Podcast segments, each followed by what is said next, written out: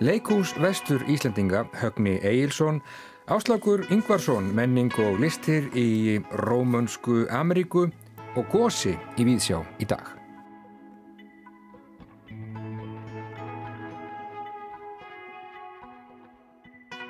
Já, Magnús Þór Þorbergsson leiklistarfræðingur verður gestur þáttarins undir Lokans og hann ætlar að segja hlustendum frá leikúslífi vestur Íslendinga á fyrstu áratögunum eftir að stórir hópar landsmanna fluttu vestur um haf til Kanada og Bandarækjana í leituðvitað að betra lífi.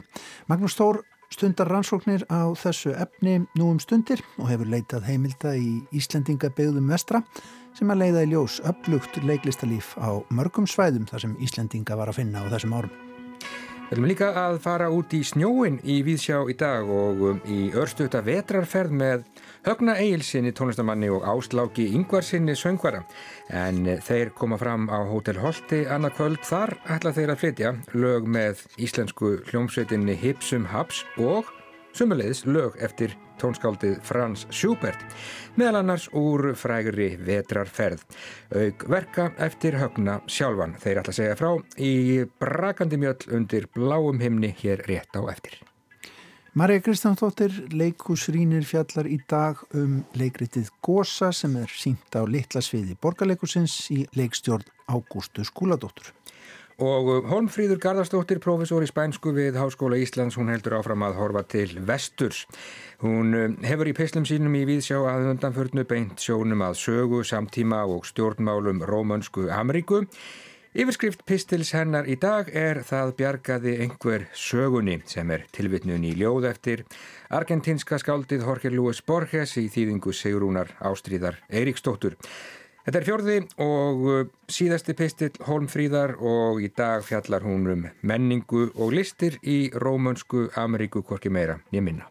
En við ætlum að byrja hér á Íslandi undir bláum himni í brakandi kvítri mjöll. Við byrjum á stutri vetrarferð sem að geti mögulega orðið algjörlega hipsum haps. Brunnin bak við hlýði stóð blóðgrinn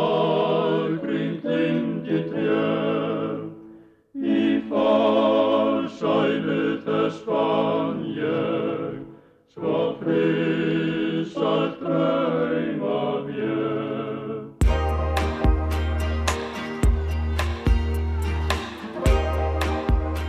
Hæ. Hæ, þessi. Velkomnir báðið tveir. Takk að þið fyrir. Þú ekki bjóð ykkur hérna bara út í snjóin? Jú. Þegar þú fyrir í vetrarferð? Já. Er það ekki, er það ekki við hæfi? Að byrtan er svona og við höfum Já. Og það er uh, vetrarferð og sitt hvað fleira framöndan á Hotel Holti annað kvöld uh, Högni Egilson og Áslákur Yngvarsson hvað, hvað er að fara að gerast? Já, við hérna ætlum að fagna hvað að segja ástinni og, og hérna tónlistinni á morgun á Hotel Holt á uh, Bardum, innri Bardum þar sem Kjærvall verk Kjarvals og hans portréttmyndir hérna sko hanga á vegginum og, og andrúrstættið þar er alveg sérstakt og, og, og vel til þess fallið að, að eiga hérna að eiga góða stund með hérna músík og bara góðum tilfinningum. Já, einan um öll fallega málverki. Já, nákvæmlega. Nákvæmlega.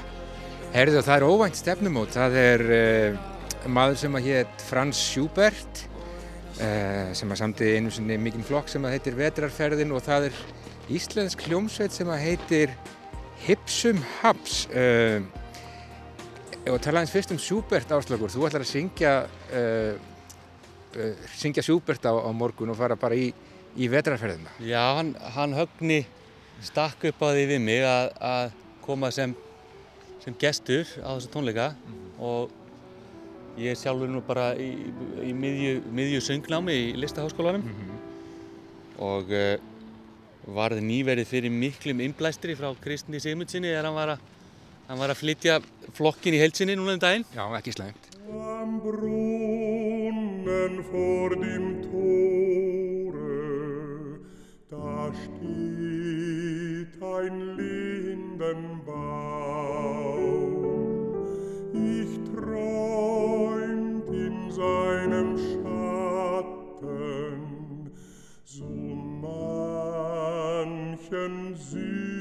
diesem Traum. Ich schmied in seiner Riege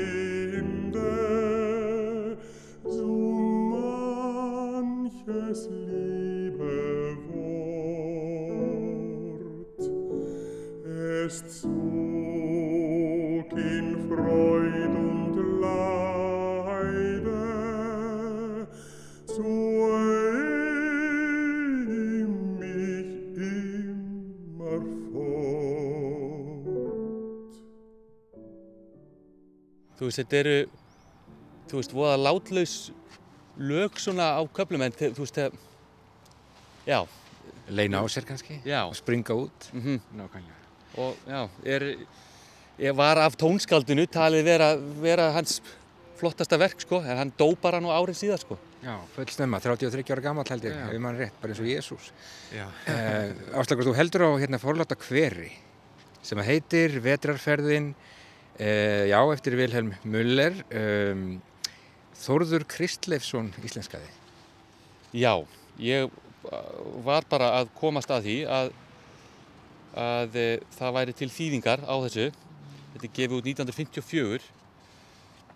Þórður Kristleifsson, hann e, fekk e, fálka orðuna á sínu tíma fyrir e, framlag sitt til íslenskar söngmenningar.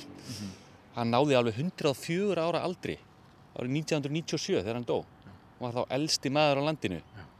Og Við skoðum, þýðing, við skoðum þýðingar Þórðar á, á vetrarferðinni ja, því að við hugsaum sko eigum við að leika uh, lögin á þýsku eða var ekki bara sko að því að sko mér langaði svolítið að, að fara inn, mér finnst þú magna við bæði texta hipsum haps, þetta hljóma kannski svolítið sérstætt en, en sko Schubert, svo síðan mína eigin verkir það er alltaf verið að mér finnst alltaf sko tónlist sem hefur áhrif er svo tónlist sem er hjartnæm.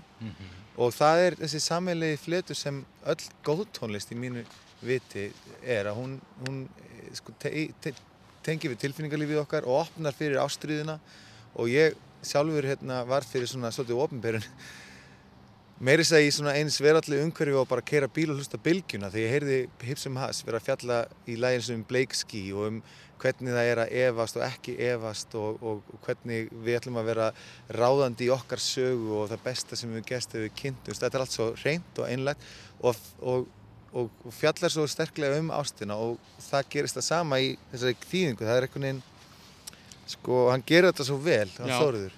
Já, og það, þú veist, það er allt annað að, þú veist, það er allt annað þegar maður, þegar maður skilur textan. Mm -hmm. Eh, þú veist, þegar ég er að fást við að, að læra núna músík, þá, þú veist, músíkin er, hún stendur fyrir sínu, en um leið og maður skilur hvað textin er um, þá, þú veist, þá bara fær hún aðra vít. Já.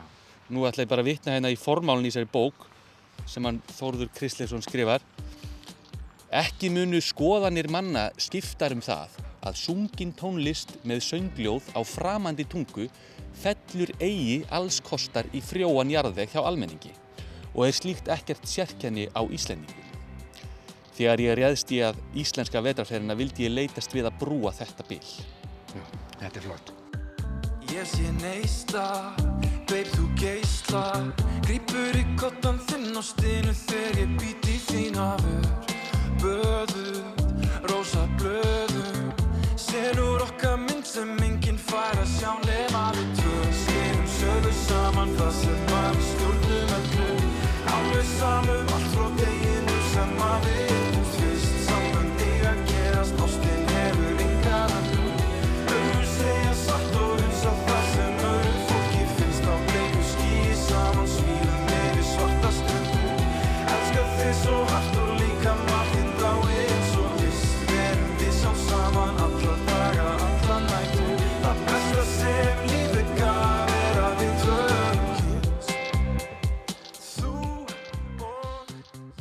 Hann vann merkilegt starf.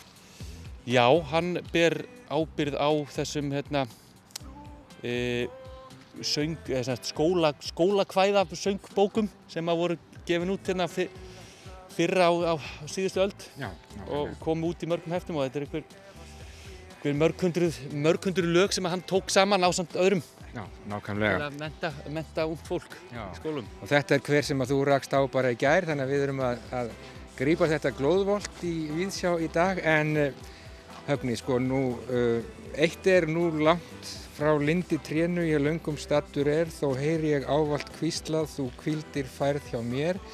Það er eitt, annað er langar í pick-up truck með hestakerru aftan í og svo framvegis. Uh, hvernig fer þetta saman? Hipsum, Haps og Silbert. Það er sko bara bak við yfirborðið er alltaf eitt fyrirbæri og það er tilfinning mannsins og andi mannsins. Aha. Þannig að í, í hvaða hugmyndum sem við höfum um merkið og merkið miða á því fyrirbæri, það verður alltaf, verður alltaf bara lindin tær þegar, að, allar okkar hugmyndur eru afbyggðar og við eigum bara eitt eftir sem er hvort annað. Vel orðað. Ég reyndi. Það er snjórinn sem hefur þessi áhrif á þig. Jú, ekki. Jú, heiminin. Það má segja það. Erjan, þú ætlar að bæta við uh, þið, uh, þínum eigin verkum. Hvernig, hvernig, hérna, hvernig tala þau inn í þetta kombo Schubert og, og Hipsum Haps?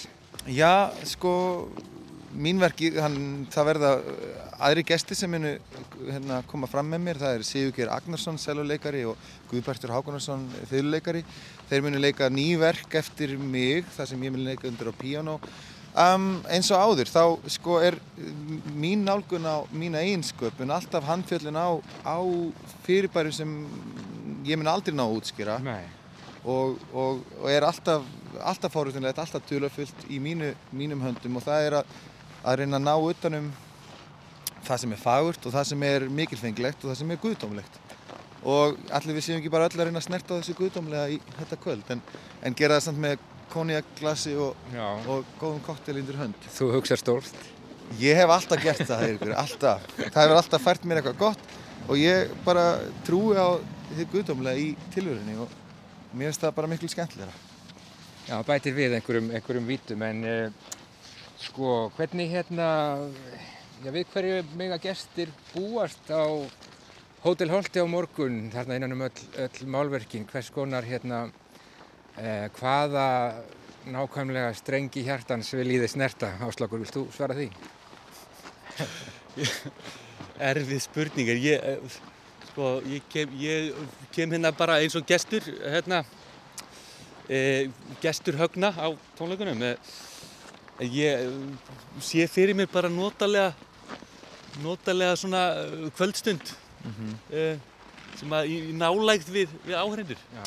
Já, yfirleitt, þú veist, líka bara sko, Schubert og, og þessi tónlist, hún, þú veist, ef hún fær, ef hún, ef hún hérna, er í, hvað að segja, svona skip, of, hvað að segja, of formlegu formi, ef, að, ef, að, ef að er alltaf verið að flytja þessa tónlist á í listasöfnum eða í stórum tónleikahöllum, þá endanum er þetta bara, er þetta bara svona hverstaslegar, sko, tilfinningar og hverstaslega framkoma og það er svona gaman að fara með Sjúbert á barinn. Já, fara með Schubert á barinn, láta hann segja hæfið hipsum haps, af því að lífið er allt hipsum haps. og hæfið högna líka.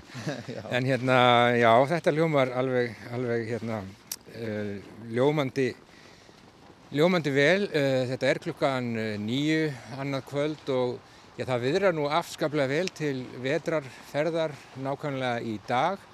Uh, blár himinn, hvít mjöll á jörðinni og já, byrtan á fjöllunum bara eins og lofórðum eitthvað sem ég veit ekki hvað, ef ekki að vona að verði bara eins á morgun.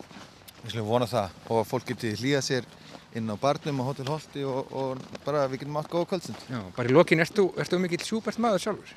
Já, ég elska Schubert, það er svo mikil, það er svo mikil svona, svona dökk hlið á honum sem er svo fögur og, og Tærileiki tærileiki og, og allt þetta harmoníska tungumál sem er svo heilla mig, það er alltaf bara tón, sko, bæði í tónfræðin en líka bara þessi, þessi hljómar og þetta harmonían sko í músíkinni og tónmálið, hvað sé, tónmálið er svo espressíft og, og það er það sem ég elska og ég hef alltaf tilengað mér í minn einn tónlisköpun og ég er bara alltaf verið áhrifavaldur. Nákvæmlega. Þokkalegir annars? Já, já, mjög, Mjög svo. mjög, ekki, ekki hann að hægt í svona er að- Lífið er alltaf að vera dásamlega og dásamlega. Heldur betur, uh, ég sé ykkur bara í sundipiltar uh, fyrst og svo kannski á Hótel Holti annað kvöld. Ég held að við höfum ekkert meira að segja. Vertu velkomin og þakka þér fyrir. Takk fyrir mig. Brunnen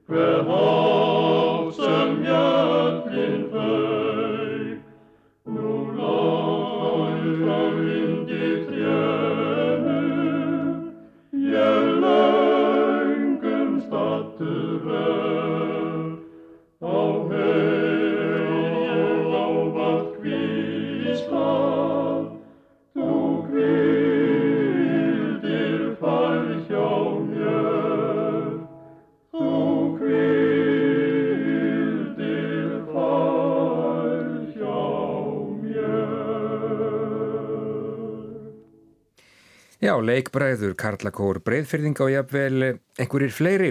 Linditrið úr vetraferðinni eftir Frans Schubert texti Jóhann Ludvig Wilhelm Müller, íslensk þýðing Þórður Kristlefsson upptaka gerð á árinu 1953. Högni Egilson og Áslákur Ingvarsson þeir ætla á samt fleira góðu fólki að fagna ástinni og listinni innan um málverkin á barnum á Hótel Holti annað kvöld. Ná utanum það sem er fagurt og mikilfenglegt og það sem er mögulega guðdómlegt, snerta á hennu guðdómlega, sagði högni minna má það ekki vera. Óvænt stefnumót Frans Schubert og Hipsum Haps íslenska hljómsettin á Hotel Holti, annarkvöld og já, lífið er algjörlega Hipsum Haps, þetta verður áraðanlega gaman. Já, en Guðdómurinn er víðar en í tónlistinni, hann getur líka mögulega verið í spítustráknum gósablessuðum og gósir á fjölunum þessar vikunar á litla sviði borgarleikusins. Marja Kristjánsdóttir er búin að sjá. Í meirinn öld hefur æfintýrinu um spítustrákin gósa eftir ítalan Carlo Goldóti verið haldið að evróskum börnum og engum því að nefið ánum hafi lengst í hvert skipti sem hann sagði ekki sannleikan. Þannig var að börnum kent að þau mættu ekki ljúa til að æfi þeirra yrði farsæl og fögur. Þó að allir hafi vitað og viti að kunstin að ljúa leiði yfirleitti mikill að metorða í samfélagum okkar jafnvel ráð þeirra stóla. Það er leikfélag Reykjavíkur sem sýnir leikverk Ágústu skúladóttur Karls Ágúst Úlssonar og leikhópsins unnir úr upprunalegu sögunum Gosa í þýðingu Þorsteins Tóraninsen á litla sviði borgarleikursins. Ágústa skúladóttir leikstýrir, söngbarir eftir Karl Ágúst Úlsson, tónlist eftir Eirík Steffensen og Eyvind Karlsson. En byrjum á leikmyndin eftir Þórunni Mari Jónsdóttur en hún hefur byggt ofurháa mynd sem minnir á Ítalíu, minnir á brúðuleikus, strimla tjald er fyrir miðjur, leiðir innkomur og á þær er einnig varpað myndum, hóflega þó, sem gefa til kynna staði þar sem atriði gerst. Tröppur liggja upp að þeim á báðavegu en til hliða til vinstri fyrir salséð eru tónlistamennir Eirikur Stefensen og Eyvindur Karlsson staðsettir alla síninguna nema þegar þeir taka að sér aðskiljanleg hlutverk sem þeir gera reyndar ákallega vel. Auk þeirra og gósa sem leikin er af Haraldi Stefánsinni leika aðeins tveir leikarar öll hinn fjölmerku hlutverki síningunni. Þau Haldur Gilvason og Katla Margret Þorgestóttir. Og það verður að segjast að það reynd afreg hvernig þau öskótt stundu skipta úr einni skýrri skemmtilegu personinni yfir í aðra. En þau eru þar stutt af ákallega hugmyndaríkum búningum Þórunar Marju, leikkerfum hennar og Guðbjargar Ívarsdóttur og grímum Elinar Eskisladóttur og auðvitað leikstjóranum gleymum henn ekki. Ágústa skúladóttir hefur úr góðu episku handriti með velkvæðnum söngum Karls Ágúst skapa glettilega litrik og skemmtilega síningu undir áhrifum frá komediðalarti. Tveir eru sögumenn, þau haldur og kalla sem leiða áhörðundur að fjöri gegnum framvundina, söngvar og tónlistin styðja hana líka. Við fáum að sjá spítustrákinn gósa verða til. Fallegur verður hann og ferkantaður í meðförnum Harald Stefánssonar. Gósi lærir að ganga en leifst þá á brott frá honum pappa sínum smiðnum Jafet. Lendir í alls konar æfitýrum þarf að glýma við hættulega búa, einni hættulegu ágjörndina og óttan en næra lokum aftur í faðum föðusins. Af öllu þessu læra nóg til þess að breytast á lokum úr spítustrák í alvöru dreng af holdi og blóði. Bóðskapurinn um að vera hlýðin drengur er til allra hamingu ekki ríkjandi í síningunni. Ríkjandi er hugmyndaflugið, fagrar myndir, tónlist og gleðin yfir að vera til með góðu fólki. Það má því mæla með honum gósa sagði Marja Kristjánsdóttir bara nokkuð sátt með spítustrákin Gosa sem er nú á fjölunum á litlasviði borgarleikusins. En um, þá höldum við til Rómunsku Ameríku ágætu hlustendur. Það er komið að fjörða og síðasta písli Hólmfríðar Garðarsdóttur, professors í spænsku við Háskóla Íslands en um, hún hefur að undanförnu flutt hér í Víðsjá písla Þar sem hún fer með okkur í ferðalag til Rómönsku Amríku, beinir sjónum að sögu, samtíma og stjórnmálum. Í dag er yfirskriftin Það bjargaði einhver sögunni. Það er ljóðlína eftir Jorge Luis Borges frá Argentínu í þýðingu Sigrúnar Ástríðar Eiríksdóttur. Holmfríður hugar í dag að menningu og listum í Rómönsku Amríku.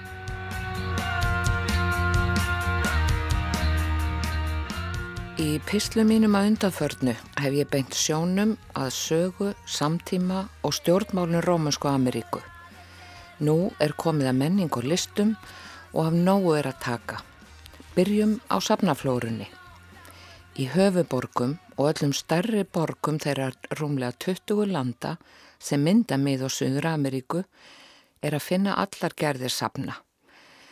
Bókasöfn trjóna efst því argentínska ljóskáldið Jorge Luis Borges tjáði sig um það að paradís hliti að vera einhvers konar bókasapn. Í kjölfærið koma svo þjóðminnarsöpn, listasögusöpn, nýlistasöpn upp í hugan, auk sérsapna ymiskonar.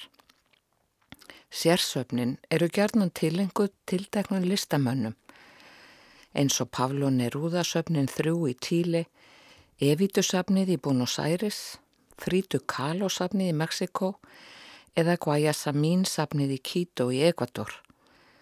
Söfni geta líka verið til einhver tildeknum tímabilum eins og byltingasafnið á Kúpu eða minningarsöfnin svo kölluðu Museos de la Memoria sem ætlað er að halda fjari glad kistunni minningum þeirra fjölmörgu sem drefnir voru eða hurfu á tímum borgarastyrjalda eða allræði stjórna eins og í mið-Ameríkuríkjónum El Salvador og Guatemala. Þótt eitt áhrifamesta safnið sé að finna í Rosarioborg og Argentínu en þar hjælt herin úti pyntingar og útrýmingabúðum í lítilli lauröklustöð sem staðsett var á götuhorni gengt lagadelt háskóla borgarinnar. Niður úr loftinu hanga afrit af skilríkjum, þúsunda karla og kvenna sem engin veit hvar eru niður komin og eigðurnar á fjölskyldumyndunum sem fylla hvert herbergið á fætur öðru segja meira en mörg orð. Um þessa undiröldu reyðinnar sem enn kræmar vegna þessara atburða vitna rótakar, punk, rocksveitir ungra kvenna sem sífæll láta meira og meira til sín taka á tónlistarsennunni.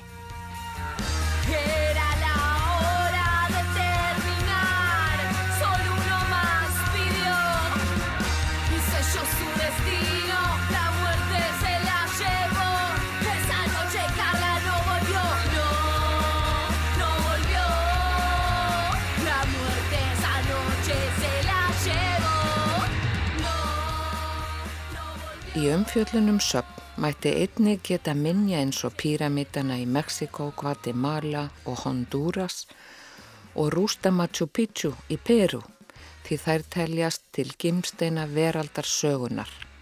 Ennfremur söpnum atvinnuhætti fyrir og nú eins og um kakorækt eða kaffivinnslu eða söpnum lífræðilegan fjölbreytileika og náttúru og minjasöpn af öllum starðum og gerðum sem votta að álfa nær yfir einar 70 breytagráður og er bæði frjósum og gjöfulauðlind fyrir veröldina alla.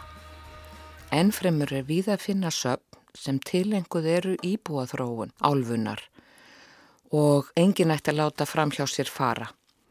Þrælasögu söpnin í Brasilíu tjá tildekinn tíma og aðstæður og sama má segja um söpn sem varpa ljósi á samfélag frumbyggja og listmunni fyrir tíma. Af þeim bera þó gullsöpnin í Bogota í Kolumbíu og Lima í Peru, höfuð og herðar yfir önnur álíka. En í báðum söpnum er að finna ótrúlega gnótt muna úr skýra gulli, ekki hvað síst skrautmunni, en unnið er að því um þessar myndir að gera söpnin aðgengilega á veraldaföfnum, svo að við sem búum fjarrri getum einning notið þeirra. Sérlega eftirminnilegt er þó örlítið sér útbúið sapn í borginni Salta í nýsta hluta Argentínu. Það sem varðvettar eru þrjár mörgundruð ára gamlar múmjur af frumbyggja börnum sem talið er að hafi verið fórna til guða yngana og þau síðan jarðsett í sér tilhökin grjót kéröld hátt upp í andisfjöllunum. En samtímin er ekki síður spennandi og fortíðin því blómleg bókaútkáfa einkennir menningarlíf álfunar allrar.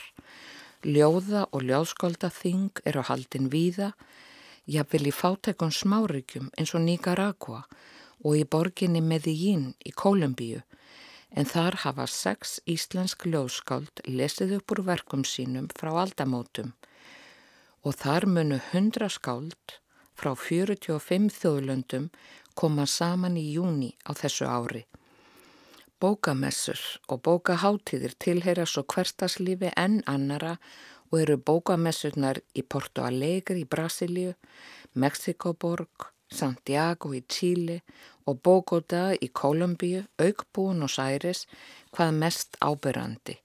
Í ár munu Íslandinga taka þátt í bókamessunni í Bogota og mikið er gert úr því á heimasíðu hátíðarinnar.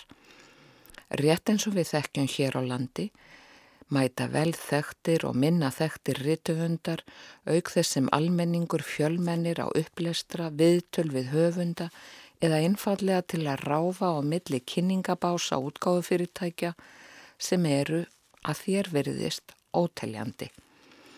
Á bókamessu síðast árs í Búnus Æris voru þýðingar á verkum sjón að finna í bás Nordika Lífrós útgáfunar og bókin Vosist í Íslandi að sapn þýðinga á íslenskum ör og smásögum eftir ymsa höfunda var að finna á litlum bási Milena Casserola útgáfunar sem hefur það að markmiði að vika sjóndeldarring lesenda, gefa út ódýrar bækur í litlu broti sem hafa má í vasanum eða veskinu og lesa svo í strætó. Hér mætti halda áfram og fjalla um blómlegt leikhúslíf, bæði starfsemi glæsilegra þjóðleikhúsa og óperuhalla starri landana sem á starfsemi frjálsra róttækara leikhópa og gjörningaklúpa í kjallarakýtrum sem eru í senn vettvangur gaggríðnar samfélagsskoðunar og uppfæslu síkildra verka bókmyndasögunar.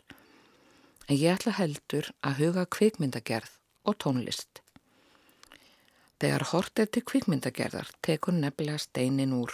Vöggur hennar í álfunni hafa frá upphafi verið í Mexiko, Argentínu og Brasilíu en með ódýrari leiðun til myndsetningar og auknu alþjóðlegu samstarfi gefst sífælt fleirum tækifæri til að láta til sín taka. Þannig voru 553 kvikmyndir í fullri lengt framleitar í álfunni allri árið 2014. Í Argentínu var hlutfall erlendra mynda sem syndar voru í kvikmyndahúsum hæst eða tæp 40%. Það var um 30% í Brasilíu og 20% í Mexiko á meðan það var lægst í smáríkju miða Ameríku og Paraguay eða á milli 2 og 3% þeirra mynda sem síndar voru. Og þótt kvikmyndaframlegsla álfunar sé best þekkt utan álfunar fyrir pólitískan undirtón og samfélagsrýni þá eru einni framleittar gamanmyndir, spennumyndir, skemmtiefni og léttmeti ímiskonar að óglemdum öllu sápu óperónum sem rúla í gegn á velflestum heimilum álfunar alla eftir mig daga. Og talandu um samtíman og það að bjarga sögunni þá er ekki hægt að ljúka spjallu um menning og listir án þess að fjallum tónlist. Því þótt flestir kannist við Mexikost mariachi, argentinskan tango, kolumbist salsa, taktfasta reggitónlist úr Karibahavi og fjörugt reggiton úr ímsum áttum eða pólitíska tónlist söngvaskálda álfunar, þá hefur rock, rap og punk öðlast alveg nýjan sess sem tjáningar máti yngri kynnslóðarinnar og undirtótnin er þungur. Atiklisverða rapsveitir frá kúpu senda stjórnvöldum tónin og snú upp á tungumálið til að eldri kynnslóðin skilji sem minnst. Kyrjandi baráttuhópar ungra kvenna hafa sett sveipsinn á fjöldarsamkomur síðustu missera. Árásir þeirra á karlveldið eru ákallandi og beinskettar.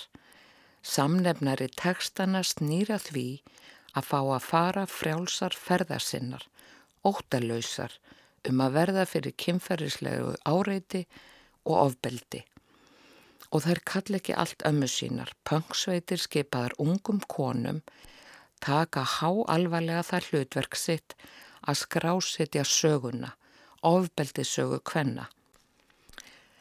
Jorge Panesi, fyrir um fórseti hugvísindasviðs Bónus Æris háskóla, þreytist ekki á að ítreka að bókmyndir og listir séu það sem hann kallar el otro archivo de la historia eða hitt skjálasafn sögunar og stelpunar vinna nú hörðum höndum að því að skrásetja veruleikan sem þær upplifa aftur og aftur og hljóta fyrir það bæði hrós og skammir.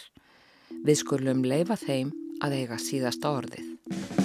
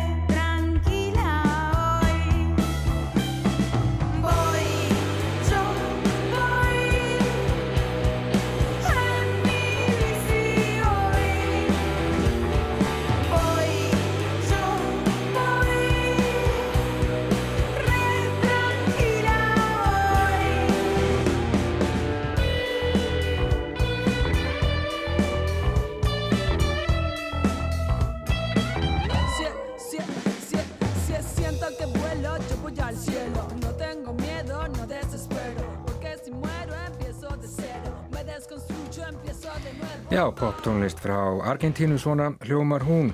Hljómsveitin Las X, lag sem að heitir Autoda Fensa, Stelpunar vinna hörðum höndum að því að skrásetja veruleikan sem þær upplifa aftur og aftur og hljóta fyrir það bæði rós og skammir. Honfríður Garðarsdóttir, hún horfið með okkur til vesturs, fór með okkur til Rómönsku Ameríku og fjallaði um menningu og listir þar.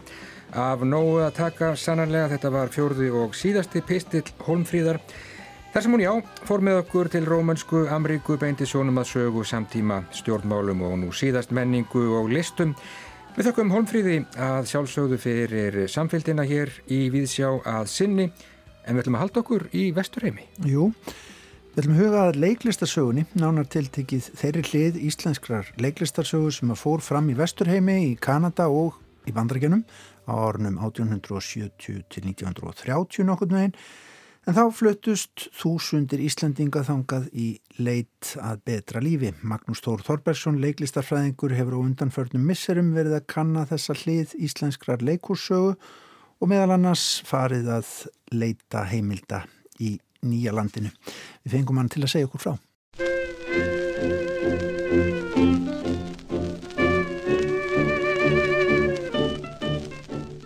Það er kannski vandamálið eða strax sko, hvernig skilgrinu við íslenska leiklistarsögu getur við talað um það að leiklist vestur Íslandinga sé hluti af íslenski leiklistarsögu eða er það það sem að er bundið innan svona uh, landsteinana hérlendis?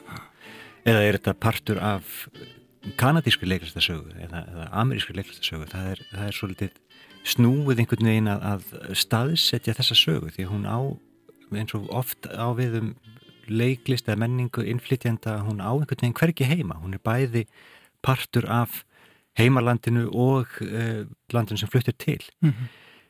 þannig að, að þetta svona lendir á svolítið skringilum stað og verður ekki alveg partur af strömmnum sem er kannski hér á landi. Um, við sjáum til dæmi strax að í þessari sögu er, er engin hugmynd um það að byggja einhvers konar þjóðleikús eða stefna sem er markmiðum og, og mennir að gera á, á Íslandi. Vissulega eru verk sem að koma frá Íslandi og eru sínt úti og ímis áhrif sem að uh, koma hérðan en miklu, þetta er miklu meiri hvað ég segja svona söðupottur í rauninni heldur en, heldur en maður kannski gerir sér upphæðlega grein fyrir. Mm. Sko er það þannig að bara strax og vestur ferðunar hefjast að þá fari finn, fólk að finna fyrir þörfinni fyrir það að koma saman til þess að setja upp leikrit. Já, menn finna mjög sterklega fyrir þörfinni sérstaklega að koma saman sko. Það eru ekki nema örfól ár sem líða þanga til að fyrstu leiksýningarna eru settar upp. Fyrstu íslningarnir koma þarna til Manitoba kringum 1875 og, og 1880 eru fyrstu heimildir um leiksýningu. Mm -hmm reyndar eru heimildir um sko síningu einhvers konar svona leikþátt sem var búin til í tilumni af svona áramóta hátið sem hafi sett upp strax á strax fyrsta veturinn í, í Gimli en, en mm. svona það að setja upp leiksýningar setja upp leikverk það hef strax 1880 mm. og, og svona breyðist mjög fljótt út og, og það má segja að í eiginlega öllum stöðum þar sem að Íslandingar söpnuðist saman þar voru settar upp leiksýningar. Ég held ég við fundið um það byrj 50 staði viða um Kanada og Bandaríkinn þar sem að leiksýningar voru settar upp á íslen, íslensku. Hmm. En er þessi þörf orðuð? Það er að segja, er verið að treysta böndin við, við, í hópnum og, og jáfnvel við heimalandið eða eitthvað? Já, það er, sko, það er sérstaklega verið að treysta böndin innan hópsins. Þetta eru svona mjög góðar samkomur til þess að, að koma fólki saman og, og, og gera sér gladan dag og þetta verður svona leiksýningarnar sérstaklega þegar maður horfi til, horfi í sveita héröðin í, í Manitoba og Norra Dakota sérstaklega að þá sjáum við að þessar leiksýningar eru svona hluti af eh, stærra skemmtanahaldi og samkomahaldi Íslendinga á svæðinu mm. menn komið saman og, og hérna heldur kannski tombólu eða það voru ræðuhöld og ljóðalestrar og svo var leiksýning og svo var dansaðu eftir. Mm. og, og það er eitt af því sem er kannski eitthvað mest áberandi í síningunum sérstaklega til sveita það er alltaf dansaðu eftir. Það er alveg sama hvað er leikið, hvort sem að það er gamarleikur eða harmleikur eða skuggasveitin eða nýjasnóttin eða hvað það er. Og það er, það er alltaf dansað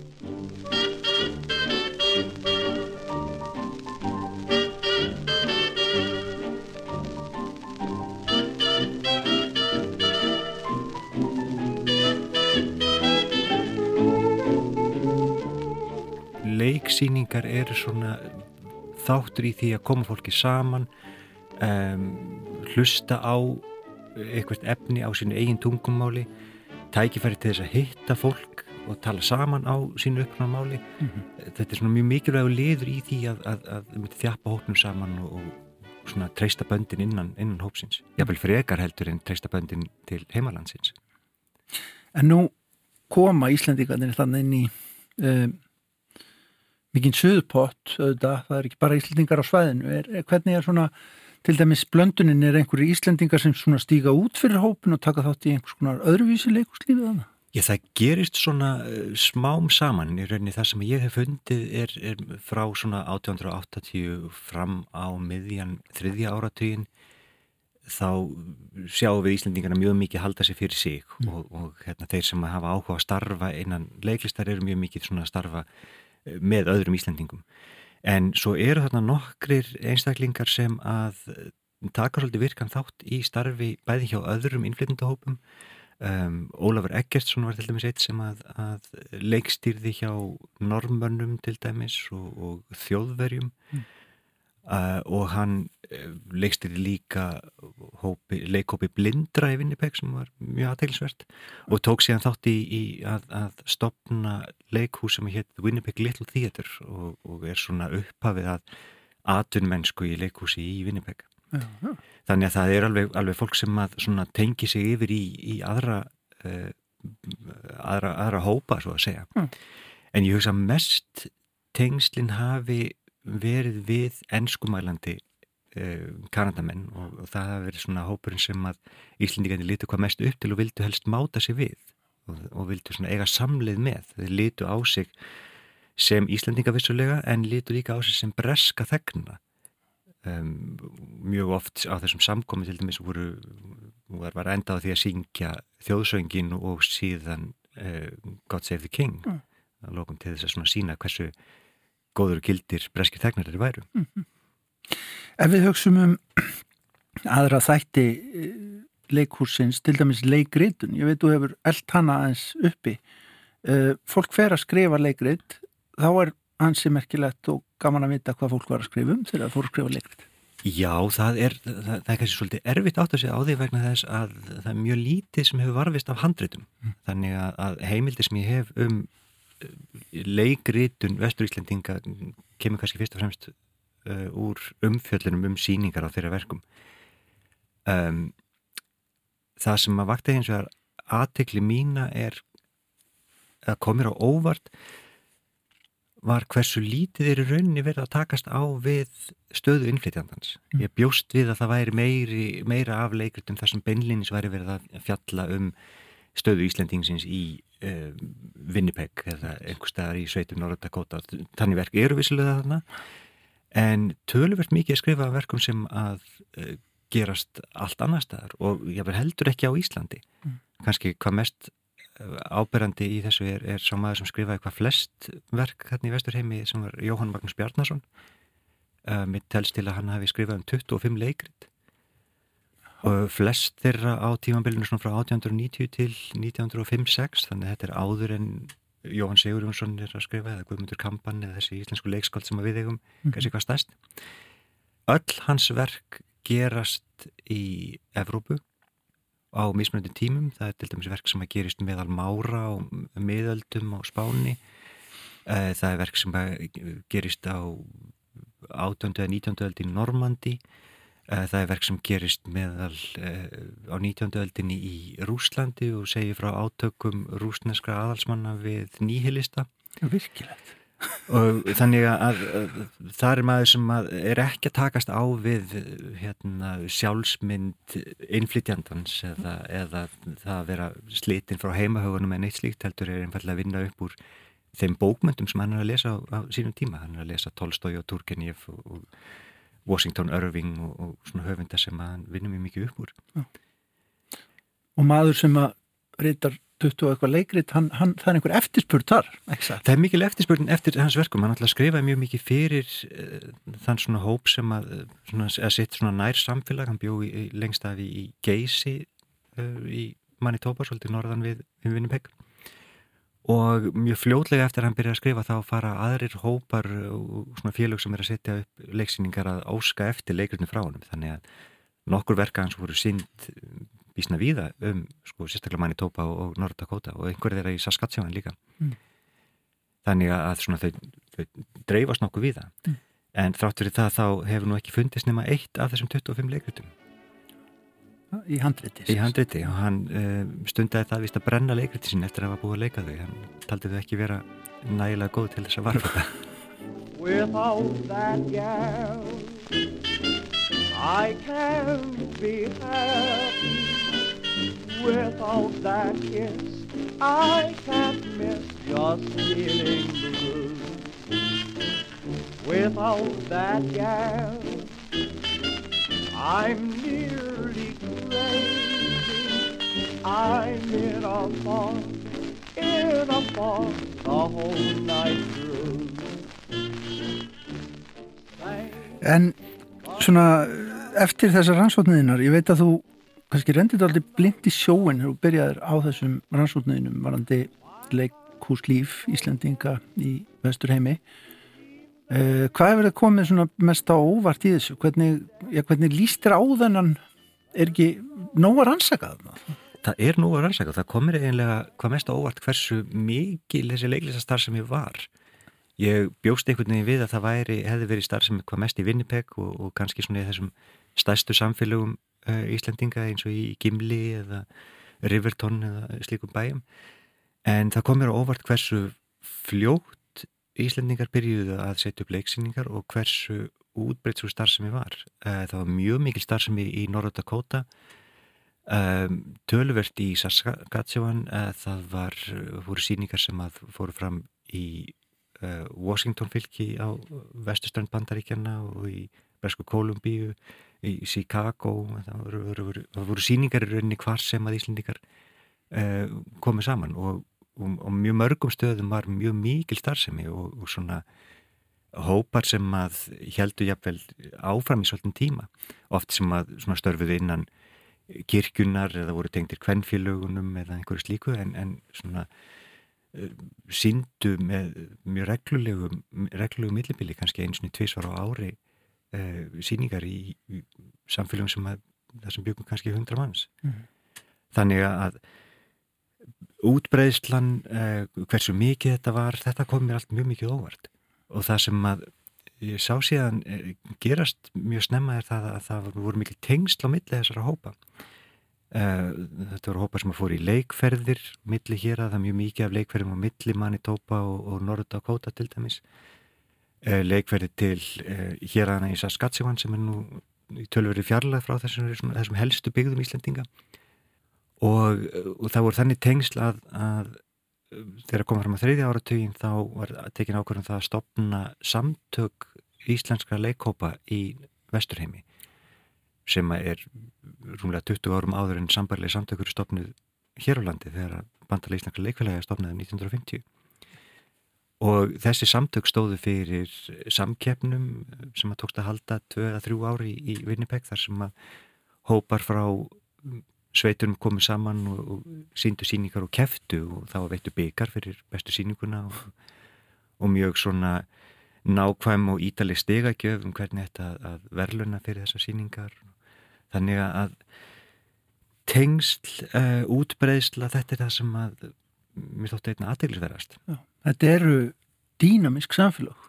Þetta eru það og, og, og einmitt þessi, þessi samskipti milli innflytjandahópa og hversu mikilvægt það verist vera fyrir þennan, þennan hóp að halda tengslum við aðra innflytjandur sem er að, að, að dreifast hinga á þangað um, um vesturheim. Þetta var, var líkil atriðið að fara í leikferðir og heimsækja hvert einasta pláss, ég vil þó að það væru bara 5 km á millið þeirra, þá var, var leikið uh, á, á öllum stöðum á tiltekni svæði. Mm.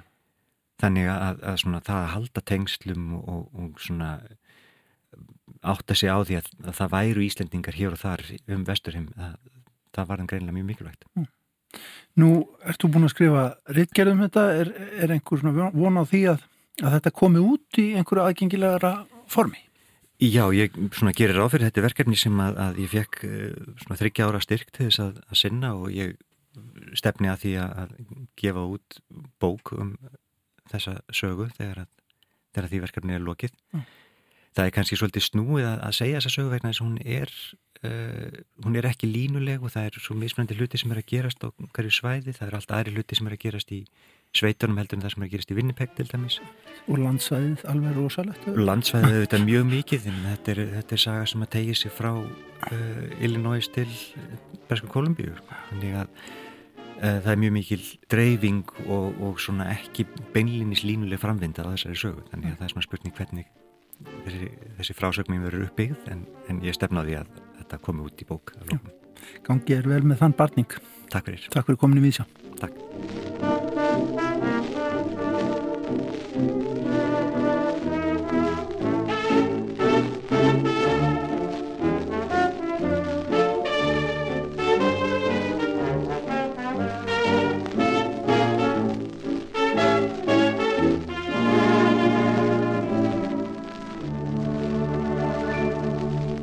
Já, kanadíski hljómsveitastjórin Guy Lombardo og hljómsveit hans Royal Canadians heitaðir hann með Foxtrot-lægið Without That Girl á eftir spjalli okkar við Magnús Tór Þorbergsson leiklistarfræðing sem er í miðjum kliðum núna við að rannsaka íslenska leiklist í vesturheimi. Á þeim áratögum sem að landarvorir voru að koma sér fyrir þar vestur frá.